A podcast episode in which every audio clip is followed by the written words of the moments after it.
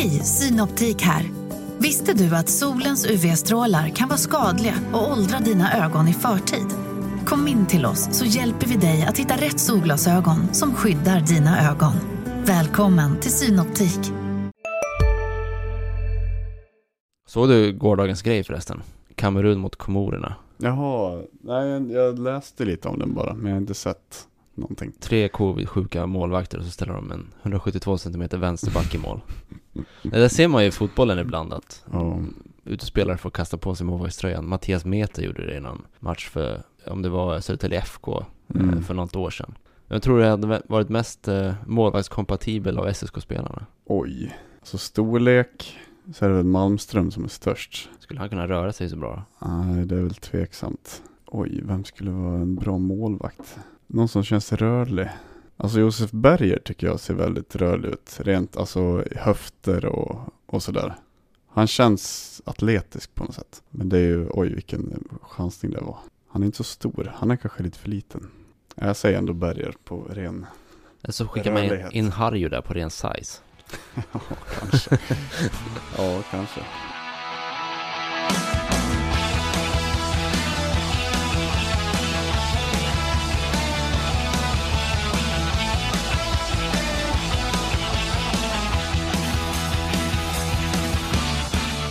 Välkommen till eh, det 33 avsnittet av eh, Sportklubben, LT Sportens podcast om eh, SSK och Hockeyallsvenskan. Jag heter Jakob Sjölin och med mig idag finns Anton Gustafsson.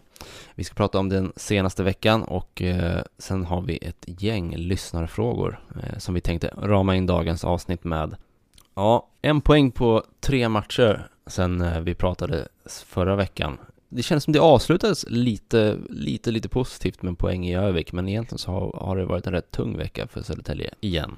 Ja, man får ju säga att krisen blir djupare och djupare. Eh, det blir så för varje poängtapp och man kan ju göra hur många bra matcher man vill, men eh, ja, nu är det ju bara poäng som gäller. Och det var väl som jag förstod var ju Modo, jag såg inte Modo-matchen, men eh, den var väl ett fall framåt på något sätt. Ja, jag har svårt att riktigt gå igång på det där. Visst, ja, man kämpade och man fick iväg en del skott och det fanns perioder där det var bra, men det fanns också perioder där Modo var överlägset. Jag tycker att det har varit så här lite till och från under säsongen, att man har fått några hedersamma förluster med sig och att liksom, ja, nu är vi lite på rätt väg och eh, vi kämpade bra mot det här topplaget men förlorade, men eh, det här spelet kommer funka i längden och sådär. Men de lyckas inte återupprepa det spelet och, eller liksom ta det till en nivå till. Det är möjligt att man hade kunnat vinna den här matchen, eh, eller den i Västervik med lite bättre powerplay till exempel. Men det känns också som att det är lite så här en tease hela tiden, att ja men vi är nästan där. Det sista lilla hopp som SSK-supporterna hade sköt du alltså ner. Ja, Precis. ja, får väl ta på mig den. eh, jag har fortfarande inte sett eh, SSK vinna en match live den här säsongen. Det är rätt otroligt. Ja, det är ju imponerande. Sen är det ju inte så många vinster, så det är väl, eh, det är väl förståeligt kanske. Men nej, det, du kanske bör hålla dig borta i fortsättningen. Ja, en som eh, just nu håller sig borta också, det är ju ehm, Hugo Gustafsson vars lån blev väldigt kort, vilket vi också befarade där, att eh, det fanns ju den risken.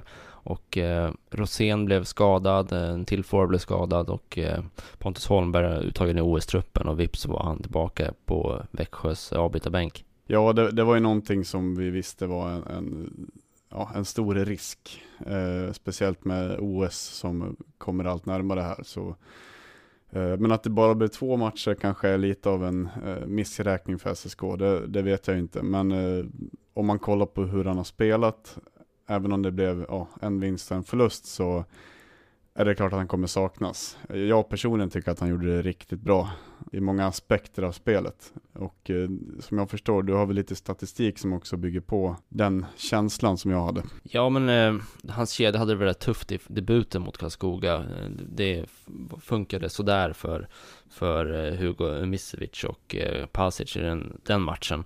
Men de var betydligt bättre och hade mer anfallsspel mot, eh, Eh, mot Troja Ljungby. Eh, det som var med Hugo tycker jag att man hela tiden såg att han spelade hockey i ett högre tempo än de flesta. Han var eh, bra på att eh, ja, men hitta medspelare med eh, yta och lite tid eller eh, runt blålinjerna eller ta in den själv. Så han, han skapade ju många anfall åt SSK på det sättet.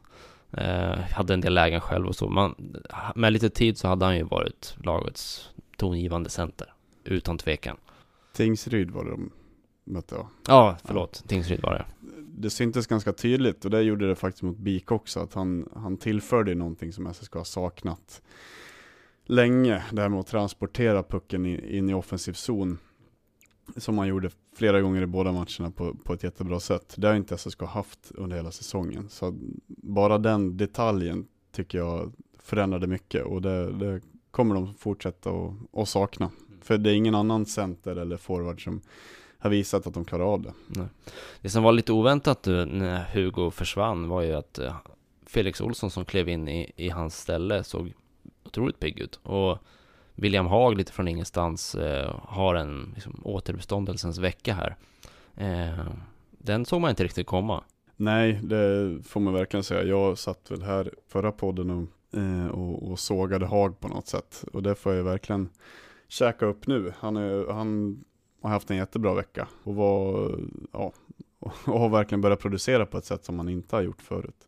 Frågan är bara om det kan bli långvarigt. Ja, frågan är också om vi har sovit lite på Haag och det han har presterat när han har varit på isen. Det som lätt fastnar på näthinnan är ju de missade chanserna. Men man får ändå ge honom att när han har spelat så har han varit en av de få spelare som har haft möjligheten att missa chanser ofta. Eh, och det säger ju ändå någonting. Haag har ju bland forwards en av de bättre underliggande siffrorna. Det är möjligt att vi har liksom underskattat honom bara för att han har inte fått till avsluten. Så eh, ja, det blir lite spännande att följa, men plötsligt så ser det ut som att SSK har en tredje kedja som ledande. Det säger också något kanske. Ja, verkligen. Ja, precis att det är tredje kedjan mm. som och det är väl tredje och fjärde kedjan som har ja, visat sig ja, men visat framfötterna mest den här veckan i alla fall. Mm. Ja men Olsson och Haag hade väl runt en tredjedel av avsluten, eller två tredjedelar av avsluten när de var på isen, alltså en course över 60 procent. Så det är ju kanonbra den här veckan, verkligen. Ja, och Olsson ska vi säga, eh, tycker jag i alla fall, när Pollock fortfarande hade lust att spela för SSK var ju de två eh, rätt vassa ihop faktiskt. Eh, när, när de spelade samma kedja där. Så att, att han har vaknat till liv och kanske får en ny lekkamrat här i Haag. Ja, det ska bli intressant att följa i alla fall.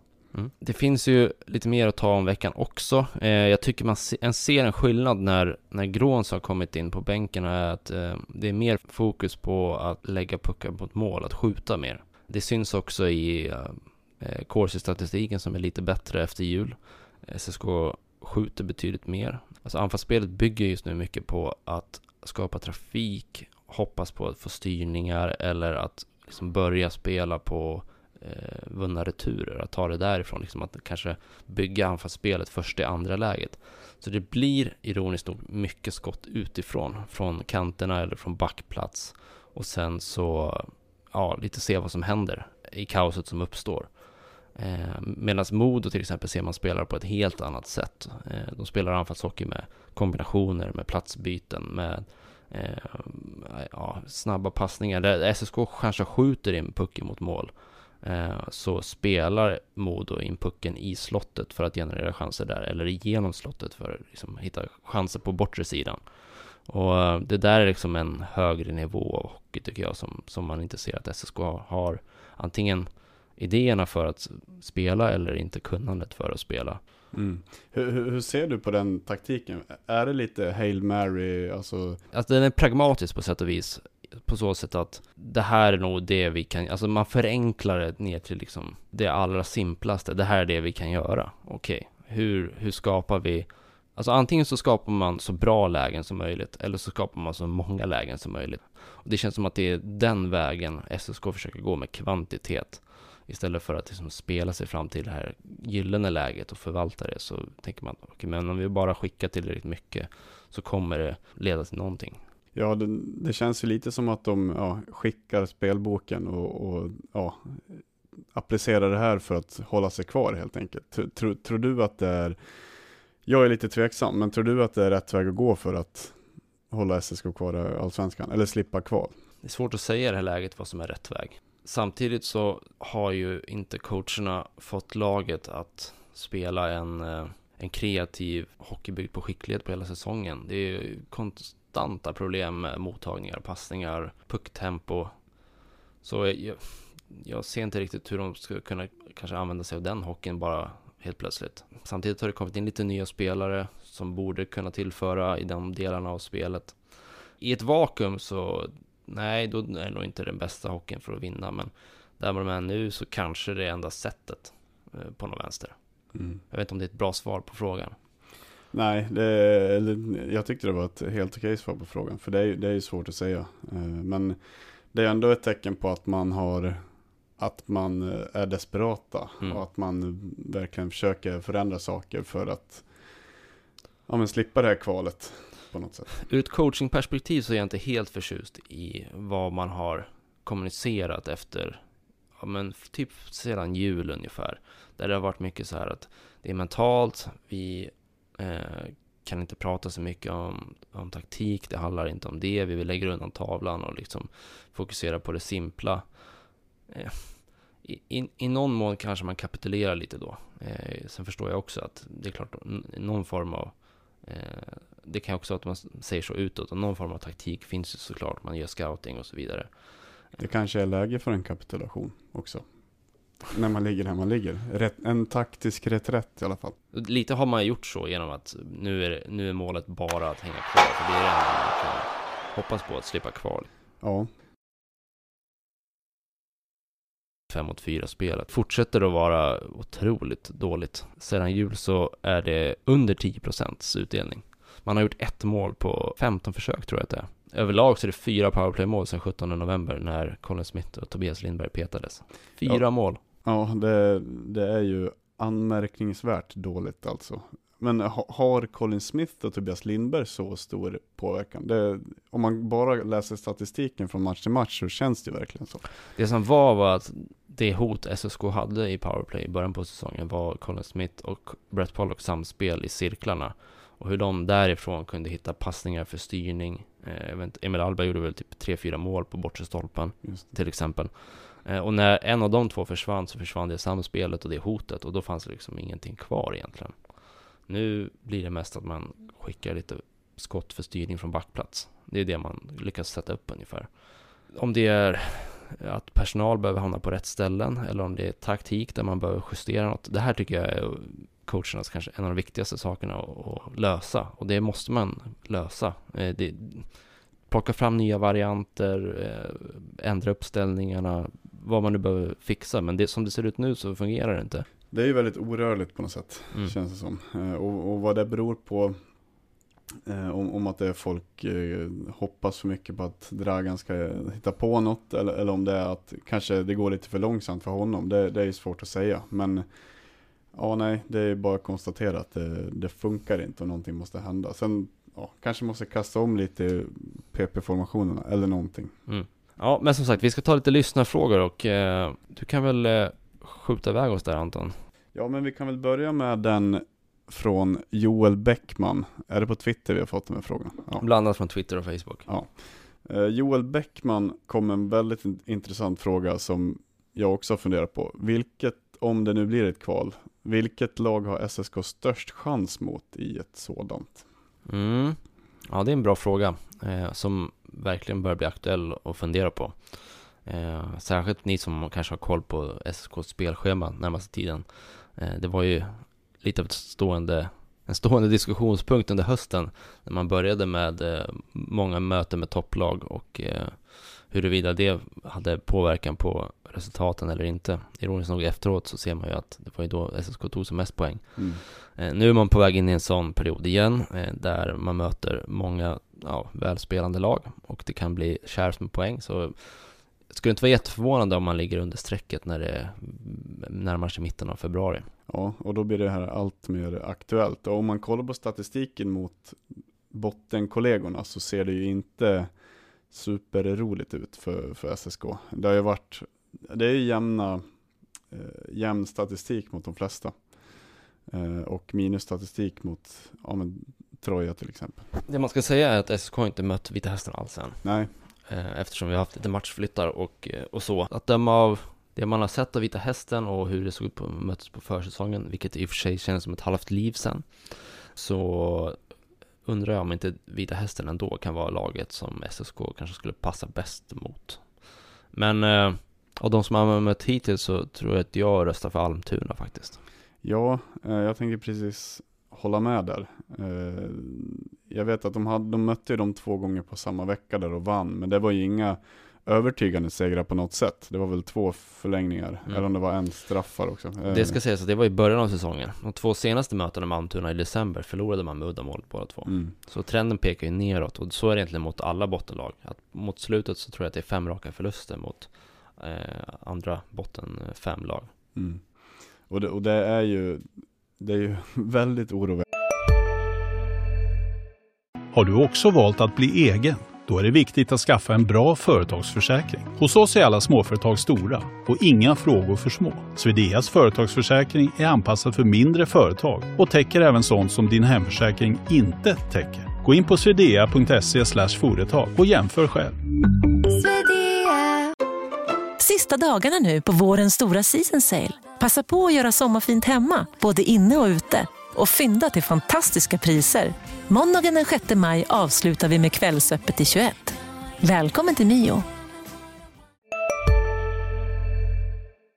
statistik, att just mot de lagen som man ska möta i en bäst av sju match, om, alltså överlevnaden, man, man håller på att få minusstatistik mot samtliga. Det, det blir en mental aspekt på det. det SSK gillar att prata om eh, men det mentala just nu som är otroligt tung. Mm.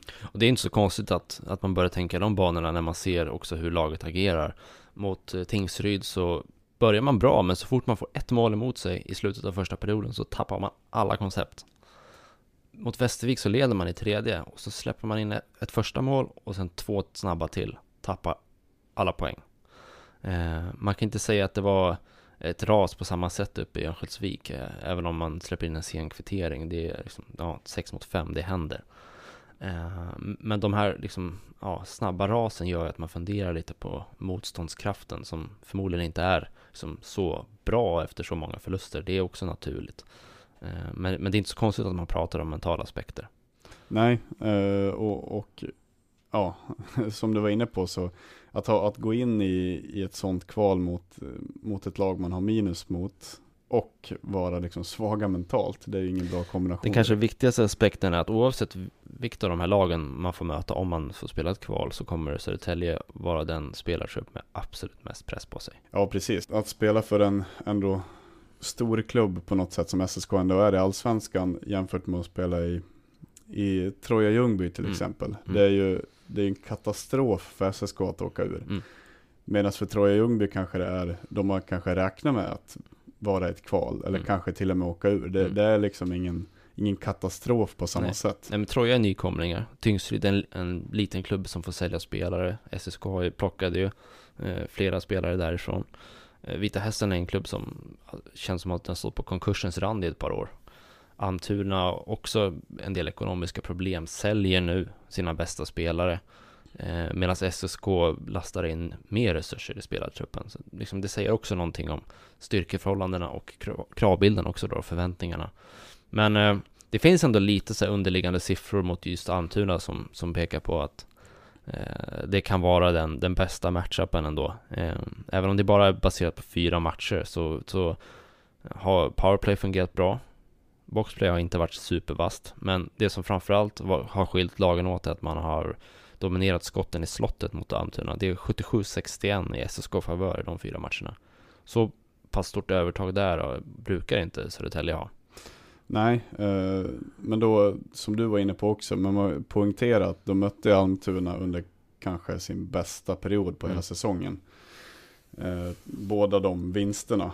Och en av dem så kvitterar André, Andreas Hjelm med ett par sekunder kvar. Så det, det, är inga solklara segrar. Men som, men som du säger så, ja, bara utifrån statistiken så är det väl de som skulle vara roligast att möta för SSK. Mm. Ja, då säger vi Almtuna då. Ja, jag vill ju helst inte säga något, något lag egentligen. men om jag har en pistol mot huvudet så ja, då tar jag Almtuna. Den andra kanske hetaste frågan just nu som är tränarfrågan. Mm. Eh, och då är det Andreas Häggström som kort och gott undrar hur kan tränarna vara kvar? Det enkla svaret är att det inte funnits något alternativ. Vi har fått uppgifter här de senaste dagarna om att, eh, och det här är obekräftade uppgifter men från vanligtvis välinformerade källor om att SSK letar tränare. Man undersöker vad det finns för alternativ på marknaden men har inte fått eh, några som har varit intresserade av att ta jobbet. Och det tyder ju på att ja, men, Jörgen Bemström och Dennis Bosic jobb är under utvärdering. Det, man är inte nöjd och det visade ju klubben också tydligt när man plockade upp Stefan Gråns från juniorlaget. Då vill man få till en förändring. Eh, hade man varit 100% nöjda med hur arbetet går till och, och med processen, eh, det är klart man inte är nöjda med resultaten. Men hade man varit litat på processen och att se att men, vi kommer kunna vända det här som det är, då hade man inte gjort någonting. Men man tog upp Gråns. Det är första tecknet. Sen så pratade jag med Anders Eldebrink i förra veckan och han nämnde då att om man känner att man hamnar där att man behöver agera så kommer man förändra på tränarsidan. Att man kommer till en punkt där man måste ändra om det inte blir bättre. Och då frågar jag när, för att mm, SSK hade ju det problemet 14-15 när man åkte ur, att Eh, ja, men man behövde sparka Janne Karlsson.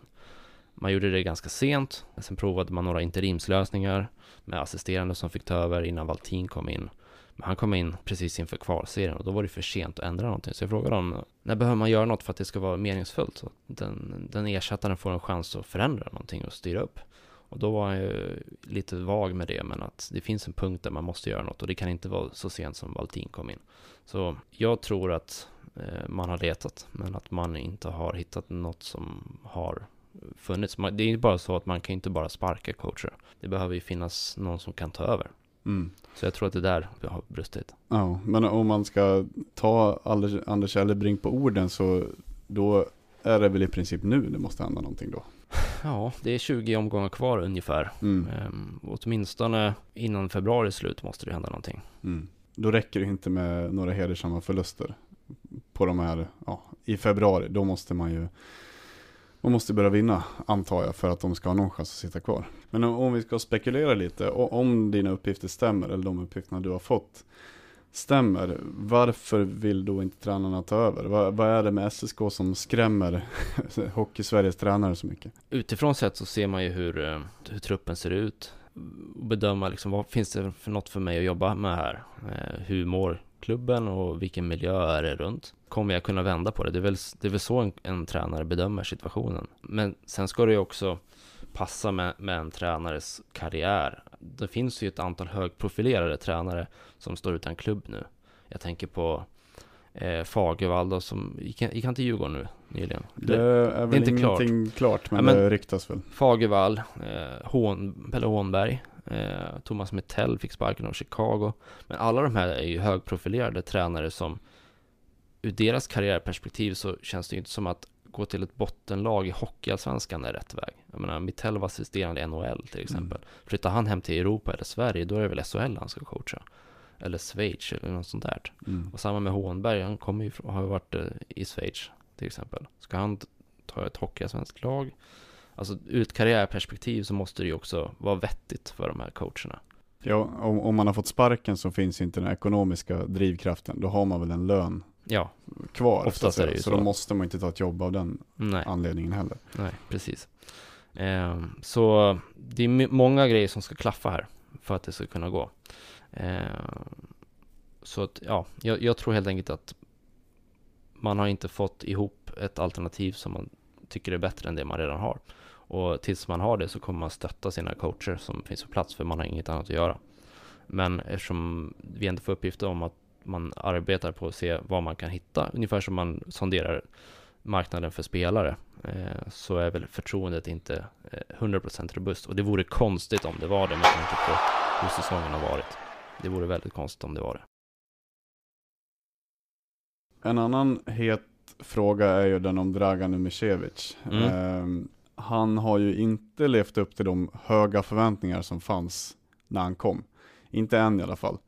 Och då är det Ekan Lind som ställer sig frågan, är han inte bättre än vad han visar upp? Eller är det liksom det mentala, svårt att komma hem och ja, vara en frälsare som på egen hand i princip ska lyfta SSK upp i tabellen? Ja, det där är ju oerhört svårt och det funderar man ju också på. Jag hade ingen aning om vilken nivå han höll i spelet överlag eller hur, hur rapp han var i, i kroppen fortfarande. Det enda man kände så här, där han kommer förmodligen vara vass, är i special teams.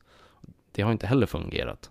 I debuten och några matcher efter det, alltså i perioder så ser det ju vasst ut. Han har aktioner som liksom, ja det där är på en hög nivå. Men han faller också bort ur matcherna mycket. Eh, jag, jag undrar om han är i kapp fysiskt än och liksom orkar spela hockey i 60 minuter. Ja, det är ju bra för att man ser, han drar ju på sig en del utvisningar också. Och då är det ju oftast för att han inte riktigt hinner med. Och det kommer någon klubba som slår undan skridskorna på motståndarna eller något sånt där. Och det kanske är en indikation på att han inte riktigt hinner med i tempot. Mm. Och det kan ju vara antingen för att han är machotränad eller för att han har tappat så pass mycket speed i fötterna. Så att Hockeyallsvenskan är ändå en upptempoliga. Bästa tänkbara scenario är att han behöver matchtid och kommer igång. Ett sämre, också tänkbart scenario är att det, han inte är lika kvick längre och kommer få problem att hänga med i Hockeyallsvenskan. Som man såg, alltså till exempel Grossman hade problem med att röra sig tillräckligt snabbt när han kom hem. Helt annan spel, typ inga jämförelser i övrigt. Eh, och då kan det där två och ett halvt års kontraktet bli eh, problematiskt. Det får man ju verkligen säga. Jag, jag blev ju förvånad från början att man skrev två och ett halvt år. Två och ett halvt år. Eh, men då antog jag att man hade ja, men att han var så pass välscoutad så att, man, så att klubben hade koll på att han skulle fixa det. Men nu börjar jag bli tveksam. Mm. Eh, men det är klart, några matcher till under västen så kanske vi får omvärdera det. Men just nu är det klart att man, ja, eller klart, jag blir i alla fall lite tveksam på om han fixar det. Sen ärligt talat, den hockey som SSK spelar, som vi har pratat om, mycket back, back, upp längs en sida, lägg på mål, se vad som händer. Det är inte Dragans hockey. Alltså så maximerar man inte hans kompetenser. Det är också en faktor, att systemet kanske premierar en lite mer brunkig spelare som Wilman Borvik än vad det gör Misevic. Mm. Men då kommer man tillbaka till frågan, varför tog man in honom då? Om man spelar en hockey som inte passar Dragan, varför värvar man honom egentligen? Var det bara för att få tyst på högljudda fans? Eller vad, vad var då meningen med att ta in honom? Ja, man ville väl ha mer skicklighet, till exempel för att powerplay inte fungerade. Mm. Om du har ett spel som passar grovjobbare, du kan inte bara ha grovjobbare heller. Det är sant. Eh, ja, det var väl de frågorna vi hann med då, antar jag. Det finns en till som jag tycker är eh, intressant. Första kedjan levererar inte, det är också Ekan Lind som, vad göra? Fjärde har man hittat en som fungerar. Tredje helt plötsligt från ingenstans fungerar. Men vad ska man göra med de två toppformationerna? För där känns det som att det inte stämmer i någon av dem. Ja, nej, det är en jättebra fråga. Eh, och ja, eh, ett problem som jag har sett är, är, väl att man spelar lite för lika spelare i samma, med Pasic och Misevic till exempel. De vill ju göra lite samma sak med, med pucken. Men ja, och spelar de tillsammans, då kanske de inte får ut det. Man kanske skulle kasta om lite där och till exempel prova och spela en Wilman Borvik tillsammans med, med någon av dem. Eh, eller något i den stilen. Det, det, är väl en, en sak som jag ser som uh, har gjort att den, i alla fall den första kedjan inte riktigt har funkat. Mm. Ja, jag håller med. Det är nog, um, om man tittar på ytterforwardsparen i, i de två första kedjorna så känns det som att de skulle behöva skifta en spelare där. Mm. Vilken, ja det kan man väl experimentera med. Men att eh, Squires och eh, Wilman Borvik känns inte som en perfekt match på samma sätt som, som Passis och Umisevic inte gör det. Så eh, där kanske man kan försöka para playmaker och sniper lite mer. Ja, precis. Men varför har man inte gjort det? Det känns så tydligt när man kollar på det utifrån. Var, var, vad tror du man vill ha ut av att spela de två tillsammans? Jag har ingen bra svar på den frågan. Eh, det, vi, vi, får nog fråga coacherna det. Mm. Eh, men kanske. Man kanske har sett eh, Nikola Pasic har ju bra fart till exempel. Att det skulle kunna eh, hjälpa, eh, hjälpa Misevic till exempel. Eh, bra på att ta puck genom mittzon också. Mm. Kanske. Men samtidigt så kan man inte spela i för olika stil heller, för då synkar man inte. Nej, det är ju sant. Och man kanske hoppas någonstans att Dragan ska ha lite sniper kvar i sig, så att säga. Den har alltid varit en framspelare. Jag, ja. ja. jag förstår inte. Alltså han kan ju, han kan ju göra mål såklart. Mm. Men det är inte, det är kanske inte den som primärt det han gör, utan han söker nog en passning hellre. Mm. Man kanske hoppas på att han, ska, att han ska ha det i sig och att han ska vara så pass skicklig i grunden att, man, ja, att han ska kunna skicka in puckarna i mål också. Men ja. vad vet jag. Som sagt, det får vi nog eh, fråga de tre tränarna om. Bra, tack för att du eh, tog dig tid Anton. Nu ska du ut på träning här och eh, sen är det Modo hemma på onsdagen och eh, HV borta på fredag den här Jajamän. veckan. Och så får vi väl eh, passa på att eh, pusha lite för att eh, det finns en möjlighet för er att eh, gå på damlagets match i helgen. Det kommer göras ett publikrekordsförsök i den mån det går i, i den matchen. Du kan väl bara berätta lite kort Anton? Ja, precis. Ja, det är väl någonting som har startat på sociala medier som jag har förstått det. Ehm, och eftersom det är klubben firar 120 år i år så vill man eh, ha den matchen som något slags startskott på, på firandet. Eh, och då är ju SSK möter Hammarby hemma som är en toppmatch i den här topp 4-serien. Men eh, den är redan avgjord eftersom SSK har gått som, gått som tåget där, så den betyder ingenting sportsligt så. Men att, eh, men att supporterna ändå vill få till eh, ett publikrekord för damlaget. Och som jag förstår det så finns det möjlighet att ta in 1500 på den matchen. Eh, och jag, jag, vet faktiskt inte vad publikrekordet för damerna är, men jag är ganska säker på att 1500 skulle slå det med råge. Mm. Ja, så vill ni se ett SSK-lag som spelat vinnande hockey i år så då är det dit ni ska gå. Ja, precis. Vi återkommer nästa vecka, då är det eh, en månadspanel med eh, Johan Myrberg och Viktor Jansson. Så missa inte det, så säger vi tack för den här gången och på återhörande.